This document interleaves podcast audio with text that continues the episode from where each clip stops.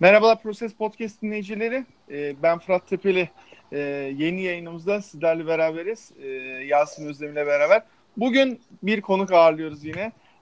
Geçen yılın sezon kapanışını yaptığımız gibi bu sezonda sezon kapanışını İnan Özdemir'le yapıyoruz. İnan hoş geldin. Ee, hoş bulduk merhabalar. Yasin sen de hoş geldin abi. Hoş bulduk Fırat merhabalar. İnan teşekkür ederiz abi öncelikle. Geçen yıl kapanıştan sonra e, bu yılın da kapanışını seninle yapıyoruz. E, öncelikle de e, geçen yılda e, dinleyenler hatırlar e, Sokrates e, bağlamında biraz sohbet etmiştik seninle. E, çünkü artık bir dergi olmaktan da öteye de çıkıyor. Yani işin bir YouTube kanalı var, e, bir kahve içebileceğiniz bir yeri var e, ve benzeri. E, geçen bir yılda biraz neler oldu? Bizi biraz e, Sokrates bağlamında hem de kendin içinde biraz yıl nasıl geçti bize bir anlat bakalım. Ee, tabii çok teşekkür ederim öncelikle davetiniz için. Çünkü zaten Philadelphia camiasını seviyorum. O yüzden e, benim için e, keyif oluyor Philadelphia camiasının bir parçasıyla bulunmak burada bir podcast'te. E, yorucu bir yıldı açıkçası. Yani hem Sokrates için hem benim için yorucu bir yıldı ama senin söylediğin şey çok önemli. Biz ta en baştan itibaren işte da, daha derginin ilk günlerinde bile şeyin hayalini kuruyorduk açıkçası. Yani daha proje başında bile. Bunu nasıl bir multimedya e, yeri haline getirebiliriz? Nasıl işte podcastler yapabiliriz? Nasıl video çekebiliriz? Nasıl başka mecralara girebiliriz? Sonuçta çünkü bizim işimizin temeli dergi ama derginin dışına taşan şeyleri yapmaktan da keyif alıyoruz. Birçoğumuz zaten televizyon kanallarında çalışıyor. E, birçoğumuz spikerlik, yorumculuk yapıyor. O yüzden de aslında hem yazı hem de konuşma tarafında iki taraflı bir şekilde e, bu işi yapmayı seven insanlarız. O yüzden e, derginin de açıkçası böyle bir dönüşüm oldu zaten. Artık sadece Sokrates dergi değil, Sokrates olarak hani biz de kendimizi genelde konumlandırıyoruz. Çünkü e, dergide çalışan arkadaşlarımın çoğunun da işte YouTube'da programları var benim gibi. işte çoğun emek verdiği başka projeler var, podcastler var, şu var ki o tarafı da biraz arttıracağız. Hani e, o yüzden de bizim için yorucu ama güzel bir yıldı.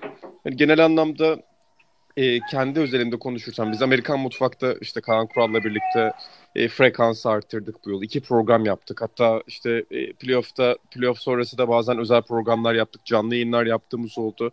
E, o frekansın arttırımı iyi oldu. İnsanlardan gelen geri dönüşler de bu anlamda güzeldi.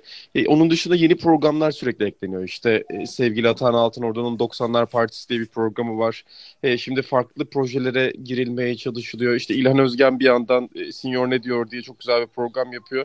Yani hem program frekanslarını arttırmaya çalışıyoruz hem de nasıl daha fazla alan alanda var olabiliriz? Nasıl daha fazla alanda e, kendi yaptığımız işin standartını düşürmeden bir şeyler yapabiliriz? E, onun hayalini kuruyoruz. Bu anlamda e, güzel bir sene olduğunu söyleyebilirim. Benim için kişisel olarak biraz zordu çünkü hani iki Amerikan mutfak haftada işte maç yayınlarının yanında biraz zorladı ama idare etmeye çalıştık. Ee, güzel derledin. Ee, gerçekten işler iyiye gidiyor e, sizin açınızdan. E, ama açık olacağım. E, yayın öncesi de seninle konuşmuştuk. Yani en nihayetinde yaptığınız iş ticari bir iş ve yani e, burada bir e, ekonomik anlamda var olmanız lazım. E, ki şöyle söyleyeyim ben kendi kişisel olarak ilgilenmeyi sevdiğim için Forbes'un son yıl araştırmasına göre Türkiye dünya nezdinde e, yani yatırım yapmanın en kolay olduğu 80. ülkelerden biri. Yani aslında çok kötü bir ekonomik koşullarda siz çok kaliteli iş yaparak ekonomik olarak da ayakta duruyorsunuz ve bir şeylerin de üstüne koymaya çalışıyorsun. Abi e, kolay değil de, kolay değildir diye düşünüyorum. E, kesinlikle öyle. E, hani senin söylediğin nokta ve verdiğin örnek bu anlamda çok önemli. E, zaten işte sık sık Can Öz, Canereler, Onur Erdem, Fatih Demireli YouTube'da işte biraz böyle biz bize diye bir program yapıyorlar. Orada da e, biraz bu dergi tarafını, YouTube tarafını, diğer projeler tarafını anlattırıyor, anlatıyorlar. E, senin söylediğin çok önemli. Yani bu bir ticari iş sonuçta. Bizim oradan bir para kazanmamız gerekiyor. Hem bireysel olarak hem kurumsal olarak bir para kazanmamız gerekiyor. İşte o yüzden mesela e, bu sene benim için en büyük değişimlerden biri. Yani sizle podcast yaptığımız dönemden sonraki en büyük değişimlerden dönemlerden biri. E, yazı işleri müdürü oldum dergide ve sonrasında hı hı. mesela e, dergi açısından ilginç bir dönemdi. Çünkü önce 15 TL'ye çıktık 12 TL'den sonra 20 TL'ye çıkmak zorunda kaldık. E, bu da haliyle bazı insanlarda ki çok doğal e, bir tepki yarattı. Yani niye 20 lira yapıyorsunuz? Hani 20 lira az para mı? 20 e, liraya nasıl alacağız diye. Hani kendileri açısından çok doğru söyledikleri şey. Ben de okuyucu olsam belki aynı şeyi düşünebilirdim ama bizim taraftan da e, ekonomik koşullar altında sonuçta böyle bir hamle yapılması gerekiyordu. Yani öyle e, milyonlar kazanıyoruz biraz daha fazla milyon kazanalım diye bir hamle yapılmadı. E, bazen zorunluluktan böyle zaten onun bir fizibilite çalışması yapıldı yani. Ne yapıldığı zaman gelir gider kalemleri iyi yapılıyor diye böyle bir karar alındı ve o tarafta böyle bir hamle yapıldı. İşte diğer tarafta YouTube'da sponsorlu içerikler yapılmaya çalışılıyor. E, kurumsal e, bazı başka firmalarla projeler yapılmaya çalışıyor. Bunun temelinde e, senin söylediğin o işin ticari tarafı var. Çünkü sonuçta evet projenin başında Can Öz var belki ve bu işe çok gerçekten dört elle sarılan bir insan ama e, sonuçta yani bu işi de kimse kimsenin kara kaşı kara gözü için yapmamalı. Yani dünyanın her yerinde siz böyle bir iş yapıyorsanız bunu ticari bir değere dönüştürmeyi başarmalısınız bana göre. E, biz de ona uğraşıyoruz açıkçası. Ee, yani kolay değil çünkü insanlar tutup da hemen videoyu izlerken ya iki kişi konuşuyor bir kişi de kameraya çekiyor diye düşünebilirler ama arka planda eminim ki ben ciddi bir ekip çalışıyor. Bunun video montajı olsun şu olsun falan. Ee, gerçekten çok değerli bir iş yapıyorsunuz. Ee, peki bir sonraki yıla istinaden nasıl bir şey var planlarda? Yani benim e, şu ana kadar işte daha yeni yıl şeylerine hiç katılmadım yani. Hı-hı. Özellikle YouTube tarafındaki toplantıları bilmiyorum ama e, dergi tarafında yaptığımız işte özel sayıları da arttırmaya çalışacağız. Yani bir 90'lar sayısı yapmıştık mesela çok güzel bir tepki Hı-hı. aldı insanlardan.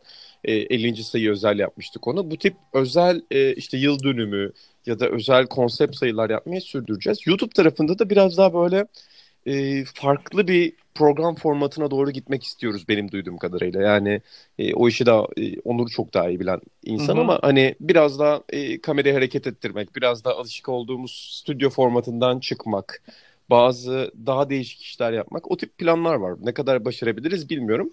E, biz Amerikan mutfak tarafında daha fazla canlı yayın yapmaya çalışacağız. Çünkü hani insanlarla o tip bir canlı yayında buluşmanın güzel olduğunu fark ettik. Hem bizim açımızdan hem insanlar açısından. Muhtemelen biz de o frekansı arttırırız gelecek sezon.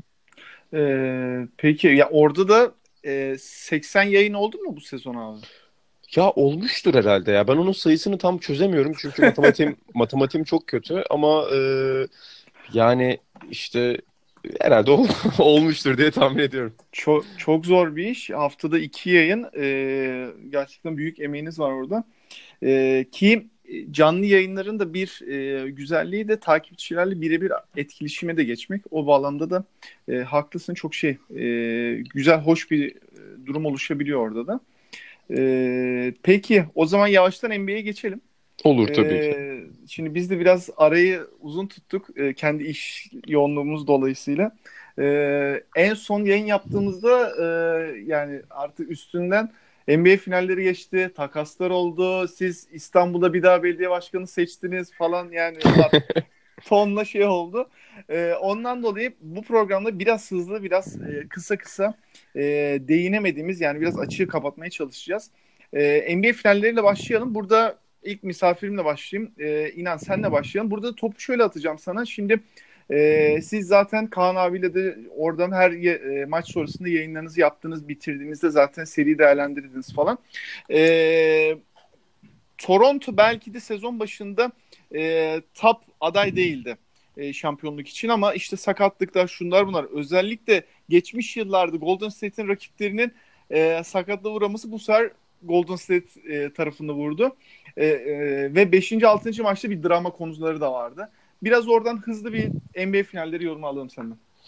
Ee, yani benim açımdan açıkçası hem bir seyirci hem bir yorumcu olarak hani iki tarafı var bu serinin. Birincisi tabii ki sakatlıkların bu kadar damga vurmasını istemezdim ondan sonra. Çünkü gerçekten hani finaller hikayesinde oyunu konuşmak istiyorsun. Sakatlıkları ya da işte çoğumuzun az bilgi sahibi olduğu tıbbi şeyleri tartışmak istemiyorsun tabii ki insan olarak ama e, diğer taraftan NBA'in yeni bir şampiyona sahip, sahip olması önemli bence. Yani ne olursa olsun elbette sakatlıklar bunu da etkili ama Toronto Raptors'ın başarısını küçümsememek gerekiyor ve e, tarihe de bence çok özel bir dönüm noktası olarak geçecek onlar. Çünkü e, son yıllarda Golden State Cleveland serileri artık e, belli bir noktadan sonra aynı izleye dönmüştü. Yani hep aynı şeylerin yaşandığı bir seriye dönmüştü. Her sene üçüncü maçlar aynı senaryo öyle gidiyordu mesela. Ya bu sene o senaryoya yeni isimlerin katılması, işte bir anda atıyorum Fred VanVleet gibi bir karakterin e, çıkıp serinin gidişatını değiştirmesi iki maçta. E, Mark Gasol gibi, Kyle Lowry gibi kariyeri boyunca aslında buralara yaklaşan ama buralarda bir türlü bir üst seviyeye çıkamayan oyuncuların e, yüzük alması, işte baktığın zaman Nick Nurse gibi bir koçun e, burada yüzük kazanıyor olması çok özeldi bence. Yani Toronto Raptors'ın çok güzel bir ana planı vardı. E, sakatlıklar varsa da yoksa da ne olursa olsun Golden State'e karşı nasıl oynamaları gerektiğini çok iyi biliyorlardı. İşte sürekli transition'a çıkmak, onları top kaybına zorlamak, açık alanda top kayıplarını cezalandırmak, özellikle Golden State'in kısa beşe döndüğü bölümlerde pot altını, boyalı alanı zorlamak ve sürekli oyunu kontrol eden taraf olmak. E, bütün bunları çok başarılı yaptılar ve güzel bir final serisi de bu anlamda. E, doğru diyorsun. E, özellikle oyunu sürekli kontrol etmeleri evet yani bütün seride e, aynı durum vardı. Hele ki 5. maçı kaybettikten sonra tekrardan e, ayağa kalkmaları da önemliydi. E, Yasin senden de bir yorum alalım. Biz Sixers açısından en azından şampiyona kaybettik ya diye böyle bir e, kendimiz e, bir şey yapabiliriz, motive edebiliriz. E, sen ne düşünüyorsun NBA finalleriyle ilgili? E, tabii ki aynı zamanda şampiyonlukta tabii doğuda kalmış oldu. Onun haricinden Toronto şehrinin e, Toronto Raptors takımının ligdeki algısının e, değişmesi açısından önemli bir seri oldu. İnanın da bahsettiği gibi e, senelerdir burun kıvrılan bir camia diyebiliriz Toronto için. E, hem yabancıların çok yaşadığı bir şehir. Dolayısıyla bu anlamda önemli. İşte Jurassic Park isimli taraftar buluşma noktalarının oluşturulması, hokey ağırlıklı bir şehirde basketbol takımının biraz daha ön plana çıkması gibi e, saha içi faktörlerin dışında e, önem arz eden gelişmeler oldu. E, onun haricinde tabii şampiyonluk kutlamaları e, da diğer şehirlerden görmediğimiz boyutta daha güzeldi ama orada da herhalde birazcık birkaç kişinin vurulması gibi e, olaylar olmuş. Aynı zamanda işte final seremonisi öncesinde, şampiyonluk seremonisi öncesinde Masai Ujiri ile bir gerginlik yaşanmış e, oradaki bir polis memuru arasında. Bu tarz meseleler de var. E, onun haricinde Nick Nurse açısından yani Brett Brown'a yenildiğini kabul edebiliriz herhalde. Hani Sixers serisinde direkt olarak. Yani coaching anlamında Brett Brown bile e, daha fazla esnek olabileceğini e, ve eşleşme bazı değişikliklerde daha fazla e, aksiyon alabileceğini göstermişti. Ki Nick Nurse bu anlamda biraz daha A planının e, sürüklemesiyle başarılı olmuştu. E, basketbol anlamında sakatlıkların da etkisiyle hani başıma bir şey gelmeyecekse söylemek istiyorum. Çok zevk aldığım bir seri olmadı benim açıkçası. hani böyle her maçı çok merakla izlediğimi söyleyemem. E, bir de ben gece değil de sabah kalkıp ya da akşam maç bittikten sonra izleyen bir seyirciyim. Dolayısıyla e, böyle sakatlıkları duyup izlemek o anlamda pek de motive edici olmuyor. E, Warriors açısından baktığımızda birkaç gün içerisinde bir takımın e, geleceğinin ne kadar çabuk değişebileceğini görmüş olduk. Hiçbir şeyin garanti olmadığını. E, bütün GM'lerin sezon planlarını yaparken hep konuşmalarına rastlarız. E, her an her şey olabilir. Sez, e, sezon içerisinde yaşanan sakatlıklar her şeyi değiştirebilir gibi. Hani genel geçer cümleler gibi gelir hep bize bunlar ama biz bunun gerçekleştiğini görmüş olduk. Bu seride direkt olarak. E, onun haricinde tabii ki hani Golden State için üzücü bir son oldu ama bence onlar hani Durant şu an ayrılsa bile yapacaklarını yapmış oldular ki Durant'i transfer ederken o meşhur Hamptons görüşmelerinde onu ikna etmelerindeki e, ederkenki kurdukları cümlelerden bir tane şuydu. E, biz seni alamazsak maksimum iki belki de bir tane şampiyonluk kazanacağız. E, tüm kariyerimiz boyunca bu çekirdekle. Sen de belki Oklahoma'da bir tane kazanacaksın ya da hiç kazanamayacaksın. En azından gel biz seninle birkaç şampiyonluk birden kazanalım. Ee, o kısmı gerçekleştirmiş oldular. Bundan sonra kalırsa ve tabii nasıl döneceğine bağlı olarak e, işler değişecektir ama bence hani Durant hamlesi Golden State için e, tabii ki çok iyi sonuçlar vermiştir. Bu sene onlar için bir nazar boncuğu oldu diyelim. Ee, evet haklısın. Ee, burada şöyle bir şey var. Şimdi Golden State'in eski şampiyonluklarına bakın abi. Ee, Andre Iguodala, Sean Livingston, Andre Bogut, e, keza Draymond Green'in daha aktif olması şeklinde yani yan parçalar o ana işte Clay, Durant yani Durant sonradan katıldı tabii ama Stephen Curry ana parçalarını çok iyi destek veriyordu ama bu seride çok onu da göremedik. E, ama onun yerine e, Sixers eşleşmesinden sonra e, Toronto'nun yan parçalarının daha da kendine geldiğini görüyoruz. Yani evet NBA'de ana parçalar sizi tepeye oynatabiliyor ama biraz yan parçalar da işte orada şampiyon o küçük nüanslar var ya o nüansları size veriyor. Ee, yani inan eski mesela şeylerle dediğim gibi mukayese ettiğimizde şampiyonluklarla e, Golden State'in biraz daha zor duruma düşmesi sanki bundan dolayı değil mi? E, katılıyorum. Bence zaten işte free agent e, sürecine artık çok az kaldı. Yani birçok takım oyuncularla görüşmeye başladı bile. Yani gayri resmi olarak. Yaz aylarının bence en büyük e, kelimelerinden biri derinlik olacak. Yani Philadelphia açısından da mesela sezonun özet kelimesi derinlikti. Golden State Warriors açısından da derinlikte. Evet mesela haklısınız. Toronto serisinde e, gerçekten Nick Nurse de Toronto'da en iyi serilerini çıkaramadılar aslında. Çünkü orada yan parçalar tamamen paralize olmuştu ve sadece kava üzerinden yürüyen bir takım vardı ama bir şekilde oraya atlamayı başardılar. Oraya atladıktan sonra derinliği devreye sokabildiler. Ama gerçekten de birçok NBA yöneticisi bence yaz aylarına baktığında mesela Lakers da burada dahil şunu düşünmeli. Ben şu anda üçüncü oyuncumu alırken Golden State gibi olma ihtimalini düşünüyor muyum? Yani sonuçta Golden State'te de evet 3 tane süper yıldız vardı baktığında. Durant sakatlandığında bile 3 tane yıldıza sahip olan bir takımdan bahsediyoruz. 3 tane büyük oyuncuya sahip olan bir takımdan bahsediyoruz. Ama onlar bile o 3 oyuncudan ikisi kenara geldiğinde hatta biri kenara geldiğinde hücum anlamında tıkanıyorlardı. Çünkü 3 tane oyuncuya sen maksimum ya da maksimuma yakın kontrat ya da 20 milyon dolar üzerinde kontrat verdiğinde senin 4. 5. 6. oyuncularına verdiğin kontrat 8 milyon dolar, 7 milyon dolar ya da mid level gibi kontratlar oluyor. Bu yüzden de orada sen kendi şutunu yaratamayan top eline geldiğinde ben şu anda ne yapacağım diye düşünen oyuncu gruplarıyla sahada kalmak zorunda kalıyorsun. O yüzden Toronto tarafında top Fred VanVleet'in eline geçtiğinde onlar çok rahattı ama diğer tarafta top Sean Livingston'ın eline geçtiğinde Golden State 2015'teki kadar ya da 2017'deki kadar rahat değildi. Çünkü artık onun eski Sean Livingston olmadığını farkındalardı. Bu gerçekten de çok belirleyici oldu bu sene NBA'de. Ee, doğru diyorsun. Buradan da e, yavaş yavaş o zaman şeye geçelim. E, malum Anthony Davis takasını geçelim o zaman finalleri. Sen de bahsettiğin gibi yani Lakers'ın e, orada varı yoğu e, neredeyse Staples Center'ı bile masaya koyup Anthony Davis'i aldığı bir durum var. E, takasın detaylarına girmeye gerek yok. Zaten herkes e, sonuçta duydu, internetten gördü. E, Yasin burada da senle başlayalım. E, Lakers tüm artık geleceğini masaya koydu. Dedi ki ha, bu arada o da çok enteresan. Geçen yıl biz e, inan seni ağırladığımız programda belki hatırlarsın LeBron'un nereye gideceğini konuşmuştuk. O günden bugüne e, LeBron Lakers'a geldi, playoff'a giremedi ve şu anda Anthony Davis takısıyla da beraber e, yanına büyük bir parça aldı ama e, Lakers'a az bir e, oyuncu grubu diyeyim artık. Oyuncu grubu vermedi. Cidden e, önemli esetleri elinden çıkardı. E, Yasin burada da senle başlayalım. E, takasın biraz Lakers tarafında. Yani e, evet kağıt üzerinde süper bir e, ikili oyun e, grubu görüyorum. E, LeBron ve Anthony Davis'te. E, ama genel takas olarak nasıl değerlendirirsin?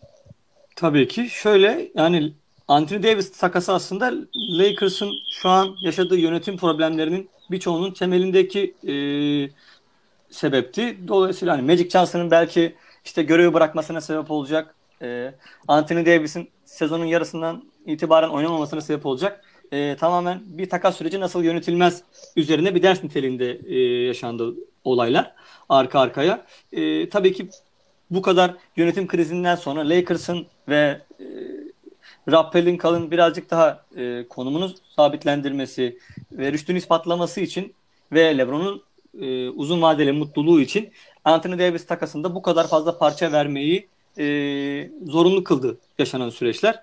E, ama tabii ki takasın en iyi oyuncusunu alan takım Lakers olduğu için karlı çıktı kısa vadede bundan.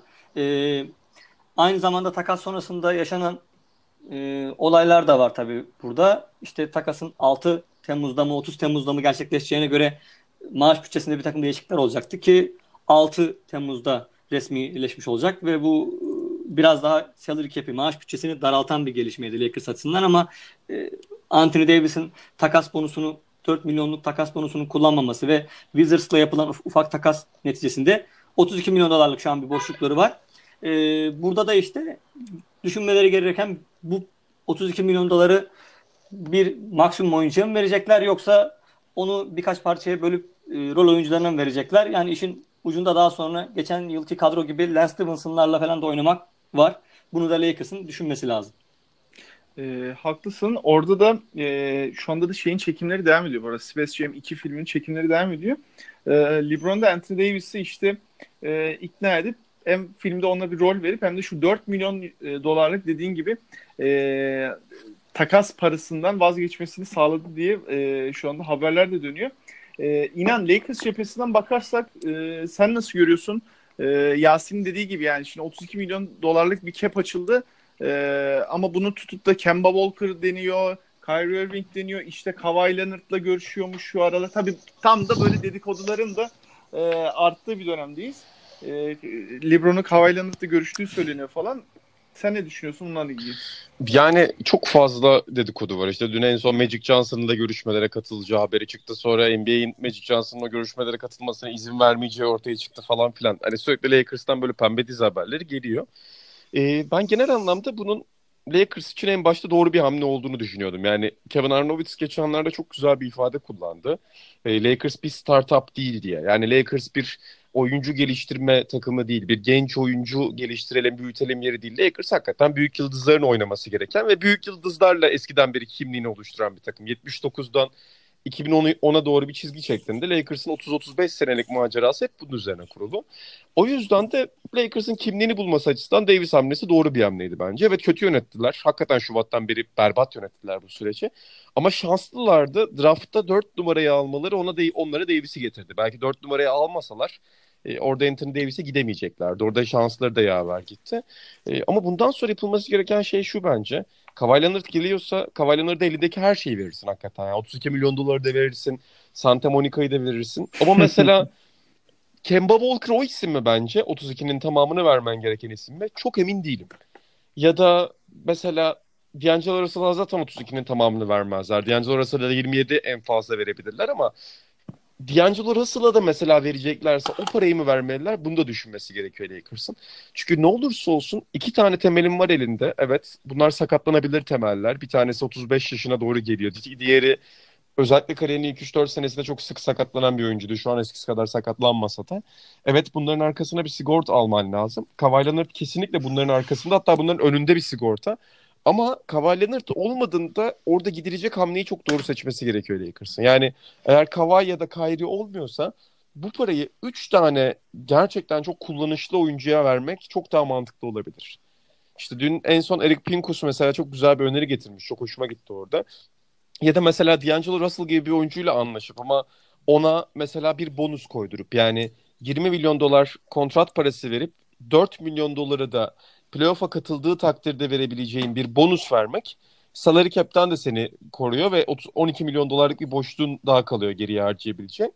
Ve diğer taraftan da gerçekten genç bir oyuncuya ederi kadar para vermiş oluyorsun. Eğer böyle bir şey ikna edebilirlerse atıyorum D'Angelo artı Patrick Beverly gibi bir hamle yapabilirlerse ya da e, D'Angelo artı iyi bir savunmacı, iyi bir şutör hamlesi yapabilirlerse bence bu pazardan karlı çıkarlar ama o parayı gerçekten çok dikkatli kullanmaları gerekiyor eğer Kavay olmayacaksa.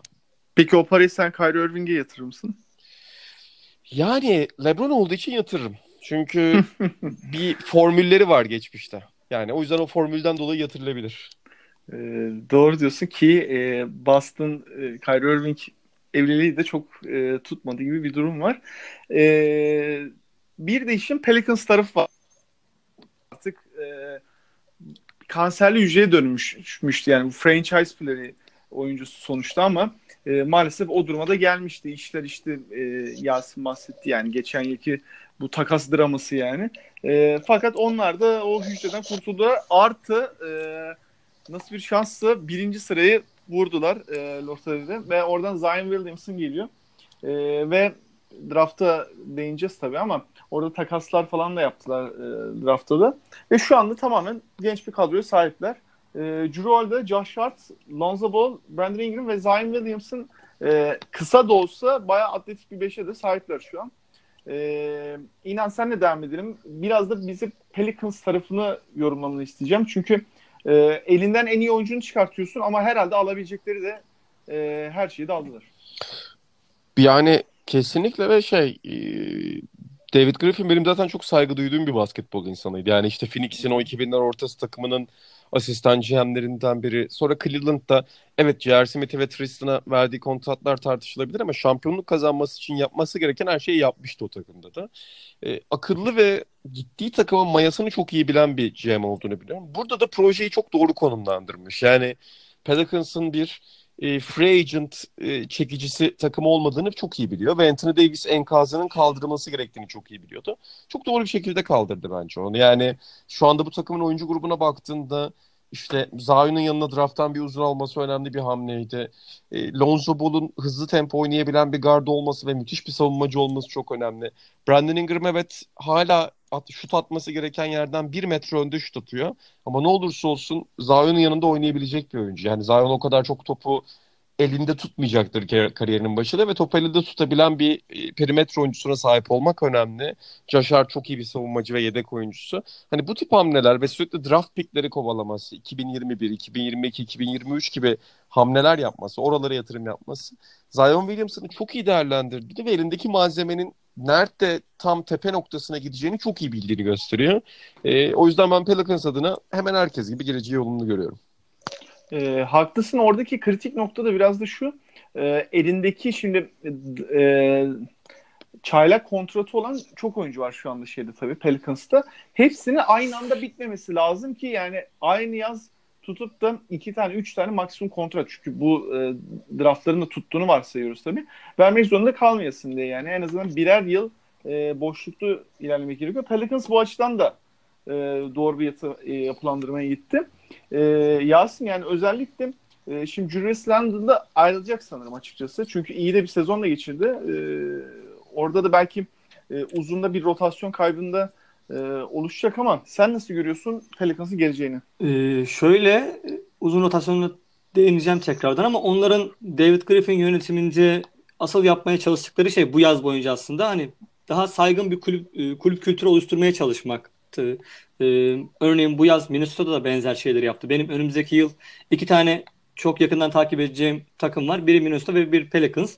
Pelicans tarafında Trajan Langdon'ı transfer ettiler mesela Brooklyn Nets'ten. Ligin yükselen yöneticilerinden biriydi. Ülkemizde de oynayan daha önce.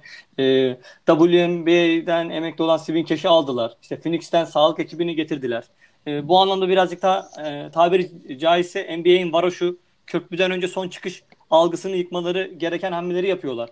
E, ki en önemli oyunculara işte Anthony Davis'te hazır gitmek istemişken tamamen beyaz bir sayfa açtılar. E, draft'tan da sizin dediğiniz gibi birinci sıra direkt şansıyla birlikte Anthony Davis'ten sonra en potansiyelli olduğu söylenen Zion Williams'a almış oldular.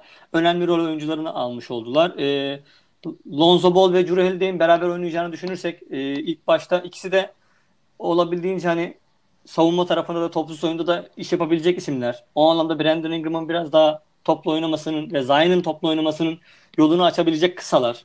E, o anlamda aralarında daha rahat bir uyum olabilir. E, drafttan aldıkları hamleler de çok iyi. Onlar da yeri geldiğinde konuşuruz. Ama alabilecekleri maksimum paketi aldılar ve bence izlemesi gayet keyifli bir takım olacaklar önümüzdeki sene. Dedik onlar için önümüzdeki birkaç yıl bu şekilde geçecek. Ee, peki o zaman e, bir diğer takıma geçelim. Şimdi malum e, kaç yıldır tepeye oynuyordu Houston Rockets.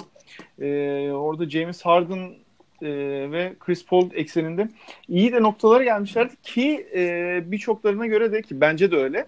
E, özellikle geçen yıl şampiyonluğu kendi elleriyle verdiler.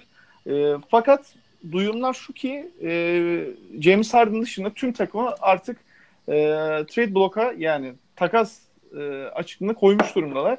Burada da biraz şöyle haberler de dolaşıyor. İşte Jimmy Butler e, sign and trade e, bağlamında işte Chris Paul, Clint Capela ve PJ Tucker'ı e, takaslayacağı ile ilgili ki bununla ilgili yalanlamalar da geldi ama e, biraz Houston'ın da burada şeyini konuşmak istiyorum ben. E, free agent piyasası neler yapabilir? Çünkü şimdi Toronto'nun şampiyonluğuna bakın abi. E, yıllardır seni oyun, e, tepelere oynayan bir takım olduğunu görüyoruz. Sonrasında işte franchise oyuncularına takaslıyor ve kritik e, çok e, riskli bir hamlede bulunuyorlar ama hep tepe oynayan bir takım gördük ve bu sene de ha, Golden State'in sakatlıklarından faydalandı falan yorumlar ama dip toplamda sonuçta şampiyonlar yani. Houston'da da biraz böyle bir durum var ama e, bir de John Wall'dan sonra en kötü kontratı sahip e, Chris Paul'un kontratına da sahipler. E, yaşı çok yüksek, yavaştan fizikle düşüyor. E, ama salary cap'te de ciddi neredeyse üçte birini şu an Chris Paul'a veriyorlar salary cap'in. E, inan burada sen ne düşünüyorsun Houston'ın e, biraz free agent piyasasında ne olacağıyla ilgili? Yani Daryl Morey zaten çok ilginç bir adam. Ve hani medyaya yönetiş şeklinden de onu anlayabiliyoruz. E, medya ile ilişkileri çok iyi ve sürekli işte onun çevresinde olan, onunla sürekli konuşan e, yazarlar üzerinden bazen bilinçli haberler uçurduğunu görüyoruz. O yüzden beni şey şaşırtmadı açıkçası. E, bu kadar agresif bir şekilde Jim Butler istiyoruz mesajı vermesi e, beni çok fazla şaşırtmadı. Birçokları şok olduklarını söylüyorlar. Hani nasıl bu kadar açık markete girerler falan diyorlar ama e, Daryl Morey hep bunu yapıyor. Diğer taraftan Daryl Morey'nin şöyle bir psikolojisi var Houston Rockets ekseninde. Uyuma çok fazla inanmıyor. Yani kimyaya çok fazla inanmıyor. Yıldız oyuncu ve yeteneğe çok fazla inanıyor. Mesela Elton Brand'ın da bu sene hamlelerini yaparken temel felsefesi oydu evet dört tane topu elinde isteyen oyuncuyu ben kadroma getiriyorum ama ne olursa olsun yetenek bir şekilde e, süreç içinde adapte olur. E, az maç var olsa da önümüzde diye düşünerek hamlelerini yaptı. Orada her ne kadar Tobias Harris biraz daha uyumlu bir oyuncu olsa da. Diğer taraftan Daryl Morey de sürekli bunu yapıyor. Yani aslında James Harden, Chris Paul ikilisi de çok mantıklı bir ikili değil kurulması anlamında. Ama kurdu o ikiliyi bir şekilde. Hamle yapma zamanı geldiğinde, hamle yapacak fırsatı olduğunda yaptı. Ve bu yaz başında sürekli şey söylediği e, konuşuluyor yazarlara ve gazetecilere. E, beni izleyin, Houston Rockets'ı izleyin. Bir şeyler yapacağız, bir şey çıkaracağız. Burada yalnız dikkat etmesi gereken şey şu bence. İşte Clint Capela, Eric Gordon ve PJ Tucker gibi oyuncular konuşuluyor. Evet sen Jim Butler'ı aldığında Chris Paul, Jimmy Butler ve James Harden gibi 3 tane süperstara sahip olabilirsin. Ama playoff'ta az önce konuştuğumuz gibi bir noktada senin PJ Tucker'a ihtiyacın var. Bir noktada senin Eric Gordon gibi oyunculara ihtiyacın var. Bir noktada senin işte Pascal Siakam'lara, Fred VanVleet'lere ihtiyacım var. Yani topu diğerlerinden daha az elinde bulunduran ama son 4 dakikada hücum yapabilecek oyunculara ihtiyacım var. Houston burada biraz agresif olurken bir şeyleri kaçırıyor gibi geliyor bana. Yani gelecek sezona şu anki kadrolarıyla başlasalardı şampiyonluk adayı olacaklar. Jim Butler'ı alsalardı, Jim Butler'lı kadroyla da yine şampiyonluk adayı olacaklar ama o Batı Konferansı yarı finalinde ya da Batı Konferansı finalinde 6. maç, 7. 7. maç geldiğinde yine bir yerde takılmayacaklarının şeyini görmüyorum ben onlarda. Az oyuncuya sahip oldukları için yine bir yerde takılma ihtimalleri çok muhtemel. Abi çok haklısın. Bir de şunu e, hatırlasana. Tüm sezon e, James Harden tek başına götürdü.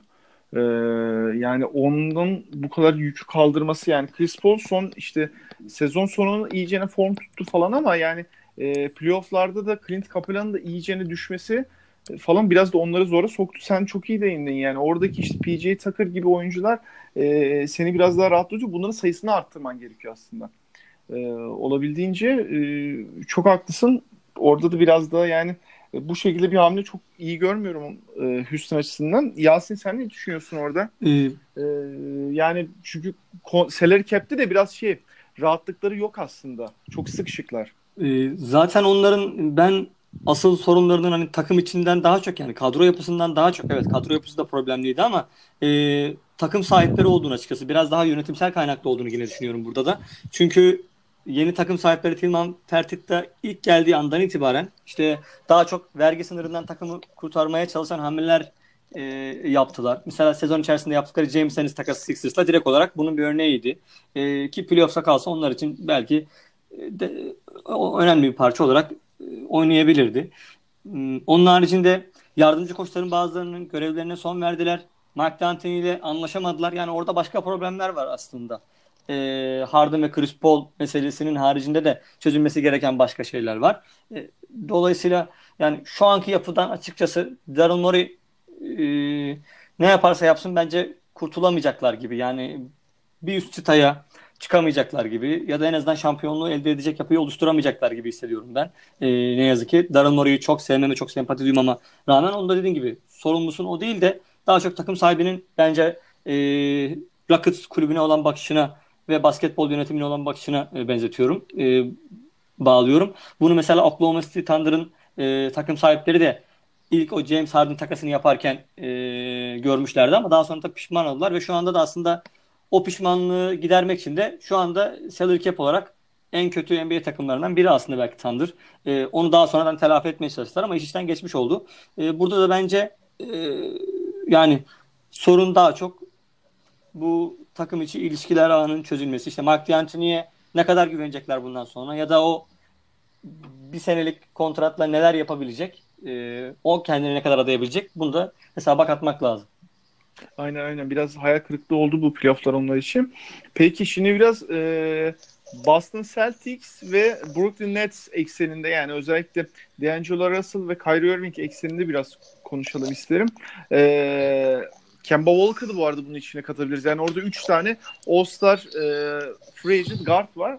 E, ve doğru bir yapı oluşturulduğunda üçü de size çok iyi performans verebilir. Yani orada mesela e, Kemba'nın biraz topsuz oyunda da iyi olması bence şey piyasada çok şey yapılmıyor. E, gözlerin önüne alınmıyor. Ama aslında çok değerli bir durum. E, Kyrie Irving'in de diğer taraftan işte biraz reputasyonu düştü yani. E, işine biraz o var. E, Yasin sefer senle başlayalım. E, biraz doğudaki bu guard e, free agent piyasasını sen nasıl görüyorsun? Ya burada işte mesela D'Angelo Russell Sixers e, muhabbetleri dönüyor da bana çok gerçekçi gelmiyor. O da ayrı konu. E, ama herhangi birinin, bu üçte herhangi birinin e, Lakers'a gitme ihtimali çok yüksek. Ee, şöyle hatta D'Angelo Russell'la ilgili sezon sonu itibariyle hep Minnesota'nın da adı geçti. Ee, Kemba Walker'ın son günlerde tabii Boston'ın adı geçiyor. Vucevic'in de adı geçiyordu açıkçası. Hani All Horford'un da ayrılacağını artık düşünürsek orada ama ikisinden ikisini de alamayacaklar gibi gözüküyor şu anda. Ee, tercihlerini kısadan yana mı kullanacaklar, uzundan yana mı kullanacaklar ya da oyuncuların tercihlerine göre tabii ki de bu değişecektir ama ben e, hani Boston'ın ana sorununun kanatlarına biraz daha top verme, e, onları hücumda hani özellikle Tatum özelinde biraz daha e, dahil etme sorunu olduğunu düşündüğüm için mesela ben o kadar hani benim için o oyuncuların yanında Kemba Walker bile baskın bir guard e, o anlamda. Yani Irving'den sonra büyük bir değişim midir bence? Değil. E, belki e, Vucevic gibi uzunu alıp e, en azından o da Olorford'un hücum katkısının e, savunma katkısının yanına bile yaklaşamaz ama hücum katkısının bir kısmını verebilir. Belki daha böyle Patrick Beverly tipi bir guardla yola devam etseler bence onlar açısından yani oyuncu tipi olarak söylüyorum daha iyi olabilir. E, dolayısıyla Boston açısından da tabii geçtiğimiz sezon tamamen hayal kırıklığı şekilde e, geçti. İşte onların 67 galibiyet alacağını iddia eden işte Bill Simmons gibi yazarlar işte e, tahminler vardı. Onlar tekrardan aslında çekirdeklerinde bir e, yenileşme yapmak zorunda kaldılar. Kyrie Irving ve e, Al Horford'un ayrılacağının belli olmasıyla. Peki inan sen bu e, free agent piyasasındaki işte ana karakterler bahsettiğimiz gibi yani burada olabiliriz aslında. E, yani ben guard örneklerinden gittim ama e, Boston ve diğer e, free agent piyasasına sen nasıl görüyorsun e, buradaki yapılanmaları? Yani biraz hareketlilik başımı döndürüyor açıkçası. Yani e, NBA'in özellikle bu yaz işte atıyorum oyuncuların neredeyse üçte birinin free agent oluşu bence çok garip bir durum bir yandan da ve e, önümüzdeki yıllarda da bu trend sürecek gibi görünüyor. İşte C.C. Redick geçen podcast'inde aynı şeyden bahsediyordu. Artık herkes kısa kontrat imzalamak istiyor. E, her yaz sürekli free agent pazarına çıkıyorsunuz. Her yaz sürekli görüşme halindesiniz takımlarla ya da bir artı bir imzalanıyor. E, bu biraz uzun vadede sıkıntı bence NBA için. Yani bu kadar sirkülasyonda olması iyi bir şey değil. Diğer yandan e, takımların burada nasıl davranacağı çok önemli. İşte mesela D'Angelo Russell örneğini veriyoruz. İşte Brooklyn Nets onu sınırlı serbest oyuncu yaptı mesela. E, ki yapmaları gereken şey doğruydu yani. Ne olursa olsun bir sigorta olarak görmeleri lazım onların D'Angelo'yu. Pazarda ellerindeki istediklerini yapamazlarsa D'Angelo ile uzatmaları ya da D'Angelo'ya gelen bir teklifi karşılamaları mantıklı olabilir kendileri açısından. E, D'Angelo burada mesela kilit bir oyuncu. Her ne kadar diğer oyuncu grubunun yanında çok çok önemli olmasa da. İşte Lakers onu istiyor. E, Yasin dediği gibi Minnesota'nın bir takasa girerek D'Angelo Russell peşine düşeceği söyleniyor yeni yönetimle birlikte falan filan. Ama diğer taraftan da baktığımda e, özellikle Boston ekseninde ben Kemba'nın biraz daha mantıklı olabileceğini düşünüyorum Vucevic'e göre. Çünkü ne olursa olsun e, Tatum ve Jalen Brown'un ben henüz insanların düşündüğü noktada olmadıklarına inanıyorum. Hatta hiçbir zaman belki de insanların düşündüğü noktaya gelemeyecekler. Onların özellikle Tatum'un çaylak sezonu, Jalen Brown'un da ikinci sezonu biraz insanları fazla yanılttı. Yani hepimizi fazla yanılttı bu anlamda. Onların sanki süperstar olmak üzere olan bir oyuncu grubu olduğunu düşünmeye başladık. Kemba'nın bu anlamda ben evet yine bir baskın bir guard belki Kyrie kadar olmasa da ama hakikaten topsuz oyunda işte keçen şutunun %40'larda olması yani çaprazdan özellikle pozisyon alıp şut atabilme kabiliyeti olması, karakter anlamında diğer oyuncularla daha uyumlu olması, usage rate'inin yani top kullanma oranının Charlotte'ın en kötü döneminde bile o kadar yüksek olmaması yani sürekli diğer oyuncuları saha içinde bulması, diğer oyuncuları beslemeye çalışması bunlar Boston adına olumlu bir işaret bence ve onlarda bir atmosfer değişimi lazım şu anda. Bir hava değişimi lazım. Yani kulüp içindeki o toksik havanın değişimi lazım. O toksik havanın değişmesinde de Kemba önemli bir karakter olabilir. Abi çok haklısın. Ee, yani verimliliği yüksek bir oyuncu, karakter olarak doğru bir oyuncu. Ama Kemba ile ilgili şöyle bir e, soru soracağım sana. Bir, ciddi kontrat alacak. Evet. Ee, özellikle e, All-NBA'ye girmesi sebebiyle ciddi kontrat alacak. İki, Kemba seni şampiyon yapar mı? Yapmaz. Bence zaten Boston'ın yani çok böyle inanılmaz iddialı konuşmak da istemem ama şampiyonluk penceresi epey bir süre kapandı bence. Yani en azından şu anki nüveyle baktığımızda çünkü e, onlar çok doğru bir kumar oynayarak Kyrie Irving'i aldılar. Bence harika bir hamleydi Kyrie Irving takası. E, sonra Kyrie Irving'siz ve Gordon Hayward'sız o takımın bir topla ya da iki tane şutla finale gidemediğini gördükten sonra önümüzdeki yılların kendileri açısından arka arkaya şampiyonluklar ya da finaller getireceğini düşündüler. Ama şu an ellerindeki yapı bence şampiyonluk yapısı değil. Ama önemli olan şey burada Toronto'nun yaptığı gibi. İşte demin sen de belirttin ya. Yeterince iyi olmak bence önemli bir şey NBA'de. Yani uzun süresiz istikrarlı, doğru ve sağlam bir kadro kurduğunuzda evet bu sene şampiyon olamazlar Kember'le. Seneye olamazlar. Ama iki sene sonra doğru bir hamle, doğru bir uzun bulduklarında ya da belki Tatum müthiş bir patlama yaptığında ya da Jalen Brown müthiş bir patlama yaptığında bir tane şampiyonluk çıkarabilirler oradan. Ama bu sene ve gelecek seneyi bence o sene olarak düşünmemeleri lazım. Yani yeniden onlar bir rebuilding'e girmeyecekler belki ama tepenin biraz altında kalmayı kabullenmek zorundalar. Ee, evet yani Kyrie Irving'de de e, onlara da yar olmadı. O da Cavaliers'ın altına aldılar artık. Isaiah Thomas onları nasıl yar olmadıysa o takasla da. Ee, peki e, biraz Sixers konuşalım. E, podcast'in ismini hakkını verelim madem. E, Sixers'ta bu e, free agent yazının bayağı etkin takımlarından Jimmy Butler, Tobias Harris şu anda tabii ki e, yüksek ihtimal yenileyecekler ama tabii ki çok fazla dedikodu da dönüyor. Özellikle şu son dönem dedikodularda da işte Tobias Harris'e maksimum vermeyeceğiz bağlamında bir e, söylemler var. İşte Jimmy Butler 4 yılda 190 milyon e, dolar yani ciddi bir rakam e, ama Josh Harris e, takım sahibi kesinlikle lüks vergisinden korkmayan bir adam. Yani kaç parası verelim yeter ki biz hep tepeye oynayalım bağlamında hareket ediyor. E, ama şu anda da e, takımın sözleşmeli kontrat altında 4 mü 5 oyuncusu ne var? Yani işte draft'takileri de sayarsak aslında kadro neredeyse bomboş. E, TJ McConnell ayrıldı. E, orada yani onun bir e, yedeklemeniz gerekiyor guard rotasyonunda.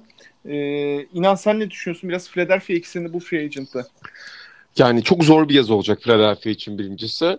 Ee, ben genel anlamda Philadelphia'nın sezonunun bu arada bayağı başarılı geçtiğini düşünüyorum. Yani baktığınız zaman Toronto serisinin bitiş şekline ya da işte bu sene de playofflarda bir final görünmemesine falan başarısızlık bir yanları var ama Sixers gerçekten elinden geleni yaptı ve çok iyi mücadele etti elindeki verili koşullar kapsamında bana göre. Ee, bu anlamda playoff'tan ne ders çıkardıkları çok önemli. Yani az önce dediğimiz gibi derinlik konusunu gerçekten Elton Brand ne kadar önemsiyor şu anda. Ee, özellikle Embiid'in kenarda oturduğu dakikalarda ve Embiid'in sahada olduğu dakikalarda artı eksi farkını takımın ya da e, yedek bench yedek oyuncuların girdiği bölümde Embiid'in oturduğu bölümde sadece CCR'deki topsuz oyunu üzerinden ucumun şekillenmesine ne kadar önemsiyor? Bunu, bunu değiştirmek için neler yapıyor? E, bence en önemli tartışma konusu bu olacak bir şansları varsa eğer bir seçim yapmak zorunda kalacaklarsa ben Jim Butler'ı seçeceklerini düşünüyorum. Her halükarda Jim Butler'ı seçeceklerini düşünüyorum. Çünkü e, Tobias Harris çok değerli bir oyuncu olsa da tam olarak maksimum oyuncusu değil bence NBA'de. E, her ne kadar bu yaz maksimum alacak gibi görünse de çünkü birçok takımın boşluğu var ve herkes Kava'yı alamayacak, herkes KD'yi alamayacak. E, bu anlamda Tobias markette bir maksimum bulacaktır bir taraftan.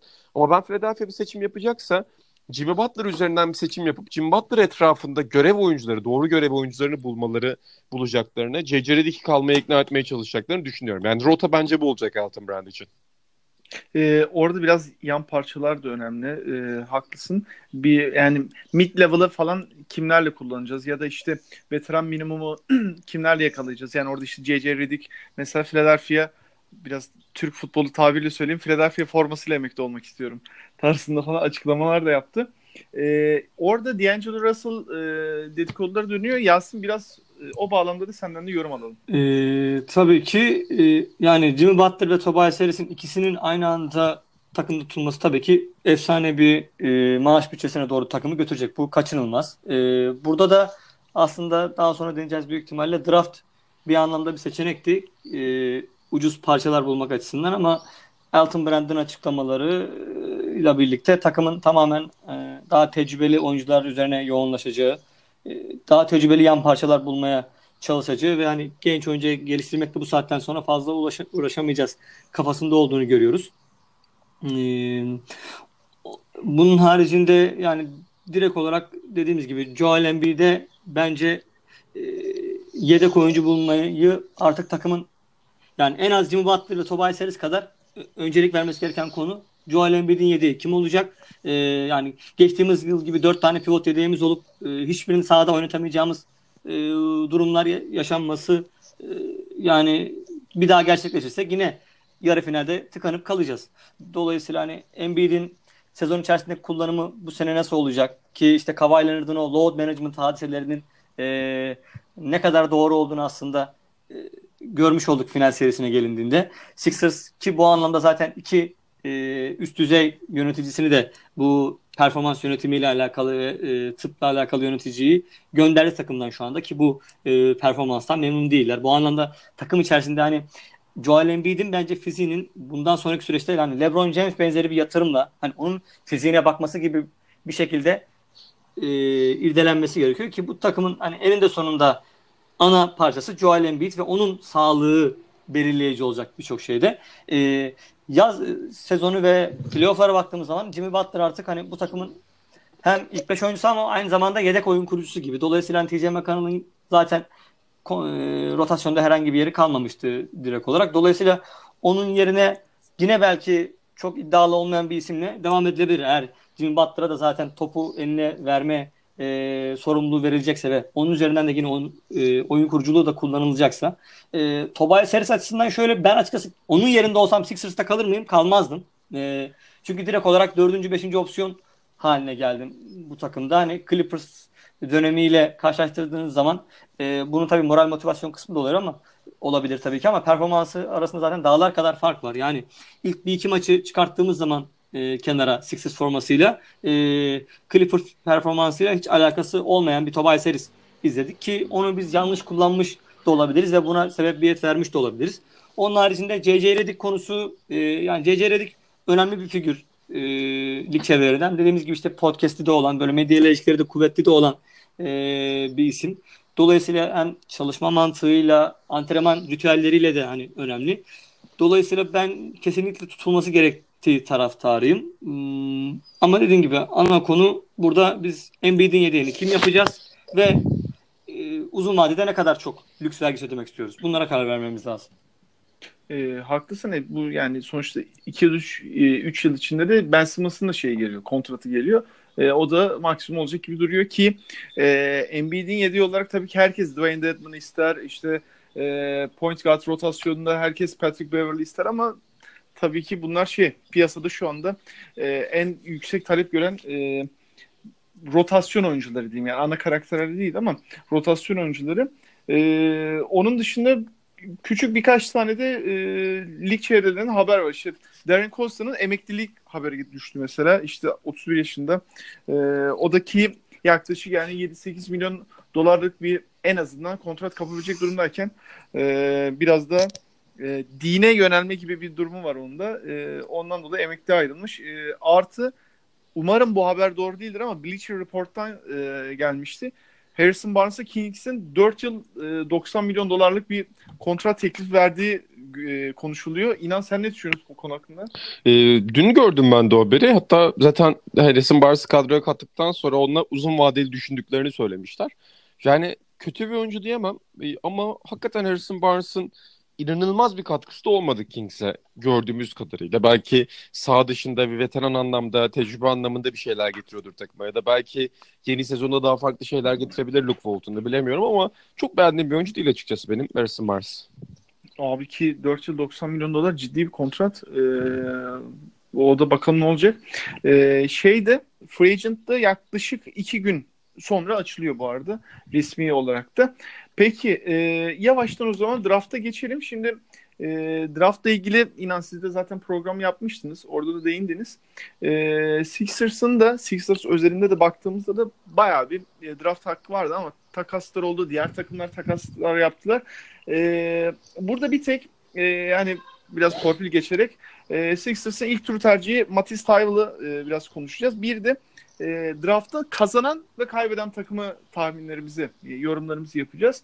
E, Matisse Thybull üzerinde e, Yasin sana vereyim konuyu. Şöyle e, Matisse Thybull aslında e, belki de şeyin e, bu draft sınıfının en iyi savunmacısı abi. E, kanatlardaki en iyi savunmacısı ki yılın savunmacısı da seçildi. E, kolları çok uzun, e, kanat açıklığı çok uzun, çok atletik ve 3.5 top çalma 2.2 blok gibi böyle absürt e, ortalamaları var. Gary Payton'ı geçmiş durumda e, şeyde e, üniversitedeki rekor anlamında, top çalma rekoru anlamında. Fakat e, yıldan yıla da ofansına düşen bir oyuncu. E, birkaç not aldım onunla da ilgili. 11.2'den 9.1'e düşmüş mesela e, sayı ortalaması. İyi bir üçlükçü değil ama şut e, mekaniği doğru. E, iyi bir orta mesafesi yok. Orta seviye bir e, şut atıcısı. E, servis atıştan yaklaşık %80, %78 de atıyor. E, şut mekaniği, şut e, şeyi yüzdeleri geliştirilebilir bir e, oyuncu ama şu anlamda ofansta da özellikle ball handling'de de biraz e, keza eksikliği var. E, biraz Zaire Smith ekseninde de sen bu draft seçimi nasıl görüyorsun? Şöyle direkt olarak aslında Matisse Tyball'ın seçilme sürecine biraz bakalım. Matisse Tyball e, Sixers'la yani görüşüp ondan seçilme sözü alınca hiçbir takımla başka antrenmana falan çıkmadı. E, dolayısıyla bu haberi duyan Danny Ainge de e, Sixers'a karşı bir pazarlık hamlesi yaparak 20. sıradaki hakkıyla onu seçti ve Sixers'ı pazarlığa zorladı. Çünkü direkt olarak Matisse Tyball'a kitlenmişti Sixers yönetimi. E, dolayısıyla o anlamda rakibine bir darbe daha vurmuş oldu Danny Ainge. E, oyuncunun özeline gelirsek yani evet kağıt üstünde takım ve oyuncu uyumu açısından baktığımızda Sixers'ın en rahat e, seçebileceği ve katkı alabileceği oyunculardan bir tanesiydi ki Elton Brand direkt olarak e, daha yaşı büyük oyunculara odaklanacağız ve e, kısmen daha çabuk katkı verebilecek oyunculara odaklanacağız e, diye açıklama yapmıştı. Ve ikinci tur draft haklarını e, sürekli takas etmesini de bu sene işte benim her dolara ihtiyacım var e, yazın vereceğim kontratlarla ilgili. E, biz zaten hani elimizde Tybal olacak, Zehir olacak. E, Shake Milton ve Jonah Bolden da var. Yani bu dörtlüyü biz geliştirmeye çalışacağız ve başka hani gençlerle e, ilgilenmeyeceğiz. Daha tecrübeli oyuncularla ilerleyeceğiz diye açıklamasını yaptı bu yaz hamlelerinin ama ben açıkçası çok e, mantıklı bulmadım. Yani bu açıklamaları da öyle söyleyeyim. E, yani en azından bir iki tane ikinci tur draft hakkını daha verimli kullanabilirdik ki Mariel Şayok isimli bir oyuncuyu aldık. O da savunma ve atletizm olarak kötü bir şutu. E, ama direkt olarak bence o çift yönlü kontrat için ve Deliver için alınmış bir isim. Dolayısıyla bu drafttan sadece Matisse Tyball'la kalmış olduk. Senin de dediğin gibi şut mekaniği ile ilgili şeyleri ben de okudum. Ve çok sıkıntılı yani teknik anlamda çok sorunlu bir şut mekaniği olmadığı söyleniyor. Yani bir dolayısıyla ya da oyuncu tatmaktan çekinen bir isim de değil. E, %30'la üçlük atıyor ve yani bir Ben Simmons vakasından bahsetmiyoruz burada. Öyle bir durum yok.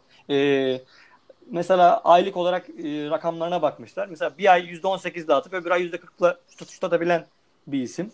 E, dolayısıyla yani bu anlamda kendini geliştirmesi gerekiyor. Savunma olarak e, yani şu anki ilk beşimizi düşünelim. CC'yi çıkaralım. Onun yerine Tybal'ı koyduğumuz zaman yani inanılmaz bir savunma beşine sahip olmuş oluyoruz aslında.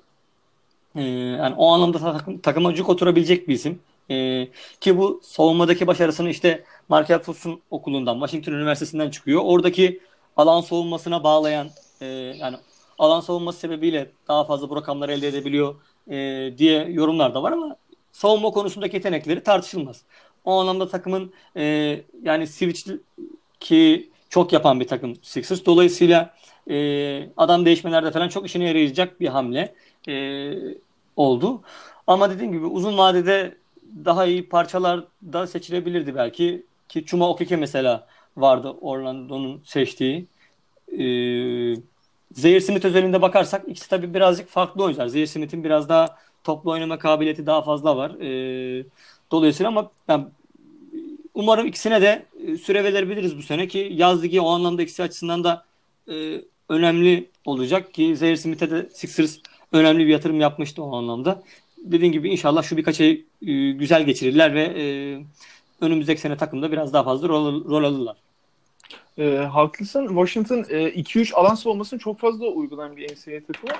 E, orada da yani uzun kollu oyuncu tabii e, orta e, alanı top indirildiğinde onu çok rahat kesebiliyor. Burada da işte Matisse Thybull'un çok fazla e, istatistik e, arttırdığı söyleniyor falan ama yani sonuç olarak sezgisi e, ve atletizmi iyi. E, inan şimdi tabii 20. sıra seçimi e, bilmiyorum e, ne kadar bilgin var oyuncuyla ilgili ama e, sen de biraz yorumlamak ister misin? Abi siz çok güzel yorumladınız. Ben keyifle dinledim. E, hani benim açıkçası ekstra size ekleyebilecek bir bilgim yok şu aşamada. Hı-hı. Sadece e, şeyi söyleyeyim ben. Yasin de belirtti. Smith açısından hakikaten çok ilginç bir sene olacak. Yani geçen sezonun sonunda gösterdiği bir iki tane şey umut vericiydi bana göre oyuncu yapısı anlamında. Ben açıkçası bu sene Brett Brown'un rotasyonunda e, onun gerçekten iyi süreler alabileceğini düşünüyorum. Nasıl Elton Brand'in kadroyu şekillendirdiği de burada çok önemli olacak ama atletizmi, oyun bilgisi, savunması baktığımız zaman Smith'i bence Philadelphia'nın yani 6. oyuncusu yapmayacaktır ama 7. ya da 8. oyuncusu olabilir bu sene takımda. Ee, doğru diyorsun ki olması da lazım ki sezon 82 maç işte sürekli e, en iyi oyuncularına uzun süreler verince işte playofflarda zaten zor duruma düşebiliyorsun yani. Çünkü hızlanan basketbolla beraber artık fiziken dayanıklılık da zor durumda e, kalabiliyor oyuncularda. Yani 30 dakika üstünde işte 35-36 dakikalar sezon ortalamalarında oynayınca evet zor oluyor. Ondan dolayı rotasyonu zaten konuştuğumuz gibi geniş tutmak lazım. E, şimdi bu çok derin bir e, draft sınıfı değildi. E, herkes de zaten bundan bahsediyor biraz ilk e, 5-6 oyuncunun e, hatta ilk 3 oyuncunun e, biraz da franchise'lara etki yapabileceği e, söyleniyordu ama biz usulen şimdi burada tüm oyunculara da değinmek de istemiyoruz. E, bununla ilgili çok fazla raporlar da var. Zaten dinleyenler de hemen ellerinin altından internetten bulabilirler. Ama e, draftın kazananı, draftın kaybedeni şeklinde iki tane soruyla en azından bir yorumlamak isteriz biz de draftı. E, ilk draftın kazananına geçelim. E, İlk yorumu ben yapmış olayım. E, ben New Orleans'ta Atlanta olarak görüyorum. E, New Orleans zaten birinci sırayı seçerek yani bu yani şimdi birinci sırayı seçmek tabii ki çok bir zor bir karar değildi. Zion Williamson çok belli bir e, kriterdi orada ama e, takası ben mantıklı buluyorum. Oradan da Jackson Hayes'i aldılar. E, Atlanta için de e, DeAndre Hunter ve e, Cameron Reddish abi Cameron Reddish'i e, insanlar Duke'de 3. sıralı e, opsiyonu olduğu için çok böyle pasif görüyorlar ama e, herkes unutuyor. Bir iki sene önce Cameron Reddish bu draft sınıfının e, ilk 3, ilk 2 oyuncusundan biri olarak görünüyordu. Yani Zion Williamson o mixtape'lerde işte patlayan smaçları vesaire biraz hype'ı yükselmişti ama Cameron Reddish de buralarda görülüyordu. Ee, sezonu çok fazla böyle görkemli geçmeyince biraz insanın etkisini e, az olduğunu düşünüyor ama bence Atlanta iyi yakaladı onu. Ee, inan sen bu e, şeyin draftın kazanan olarak kimi görüyorsun?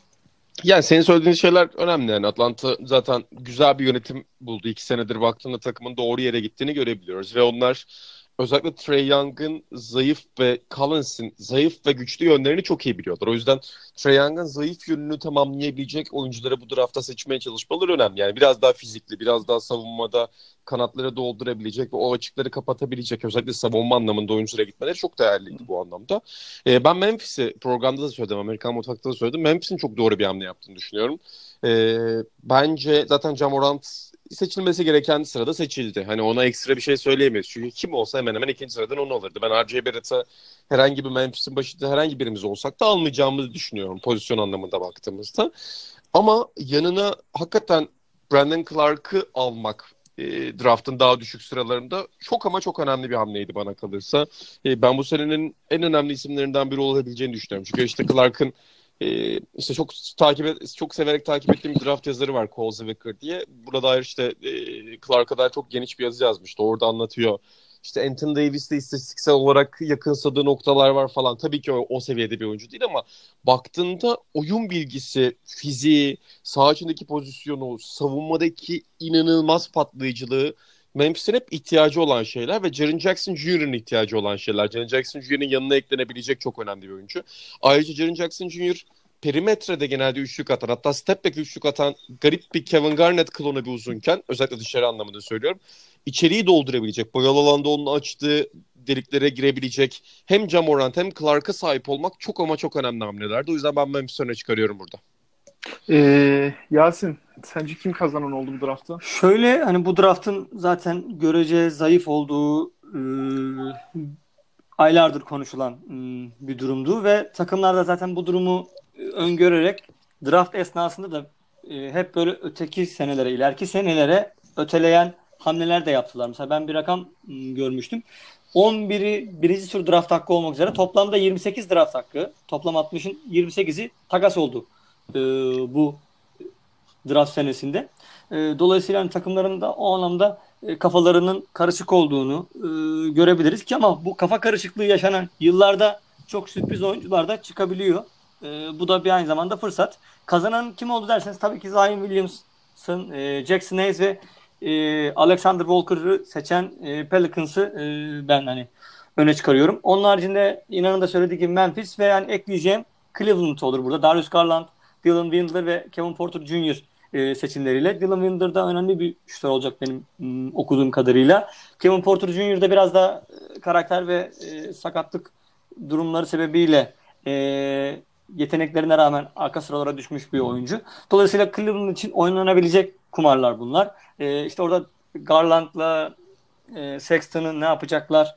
E, ama zaten Cleveland antrenörünü de ona göre seçti. Takım yapısını da ona göre oluşturdu bu sene. Onlar için birkaç sezon deney aşaması olacak bu anlamda.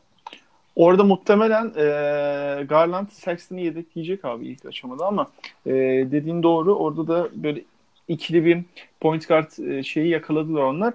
E, İnan peki e, sence bu draftın kaybedeni kim oldu? Yani kaybedeni kim oldu? Tabii ki birinci sıra seçemediği için New York kaybedeni oldu. Ee, psikolojik anlamda da New York'un şu anda çok düşük seviyede olduğunu görüyoruz. Yani free piyasasında da KD ya da Kawhi hatta Kyrie konusunda onların çok üstün olduğu söylenirken e, geride kaldılar şu anda ve psikolojik olarak onların bir yıkım haline girdiğini görebiliyoruz. Diğer taraftan beni şaşırtan takım Indiana oldu. Yani Bitatse 18'den kesinlikle almak isteyeceğiniz bir oyuncu. Ama Indiana'nın Bitatse, Miles Turner ve Sabonis'te ne yapmaya çalıştığını çok bilmiyorum açıkçası şu an. Hele bir de onların yanına Ricky Rubio'yu transfer ederlerse yani Ricky Rubio'ya bir numara alırlarsa bu takımın çok ciddi bir spacing ve shoot problemi olacak. E, bu çok açık. O yüzden Kevin Pritchard'ın son yıllarda yaptığı hamleler hepimizi şaşırttı ve çok güzel hamleler yaptı. Ama benim kafamı karıştıran takımlardan biri bu anlamda e, Indiana Pacers oldu. Bir tatse tercihiyle. Dediğim gibi 18'den bir tatse almak bence çok doğru bir tercih. Ama Indiana için ne kadar doğru şu takım yapısıyla bunu tartışırım. E, haklısın. Yani orada takım oyuncu uyumu e, da draftı bir e, önem yine arz ediyor. Yasin peki sence kaybeden kimdi? Ee, yani Washington'ı söyleyebilirim. Hachimura'yı birazcık e, yukarıdan seçtiler açıkçası o beklenmeyecek şekilde. Onların zaten şu an yani asistan GM'leriyle yola devam ediyorlar Tommy Shepard'la. Dolayısıyla bir yönetim problemleri zaten devam ediyor. Yani o anlamda hani büyük bir kaybeden var mı bu draftta? Açıkçası öyle net belirgin bir e, isim yok, takım yok bu anlamda. Ama Washington'ı söyleyebilirim. Ee, evet ben de kaybeden olarak bu arada New York diyorum. Yani Zion Williamson, Anthony Davis, e, Kawhi Leonard, Kyrie Irving dört tane hedef sayarsak şu anda ikide sıfırlar.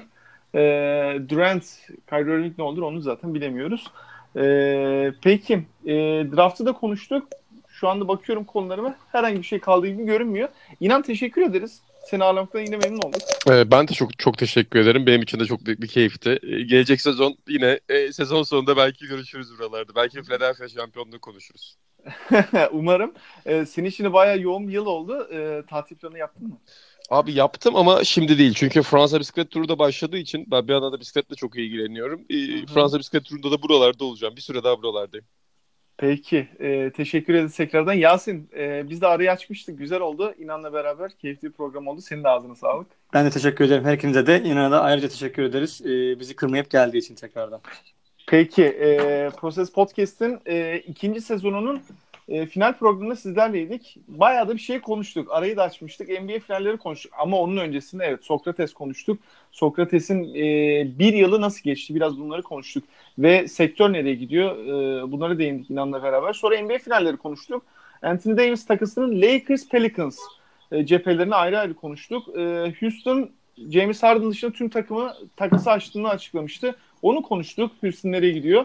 Boston Sixers özelinde e, biraz free agent piyasasına değin, değindik. Burada D'Angelo Russell konuştuk, Kyrie Irving konuştuk. E, bir de draftın tamamı değil ama Sixers'a yine bir torpil geçtik. Matisse Thybull'u konuştuk. E, ve draftın kazanan kaybedenlerini konuştuk. E, ben Fırat Tepeli, İnan Özdemir'i bugün konuk ettik. E, Yasin Özdemir'le beraber e, sizlerleydik. Dinlediğiniz için teşekkür ederiz. Görüşmek üzere. Hoşçakalın.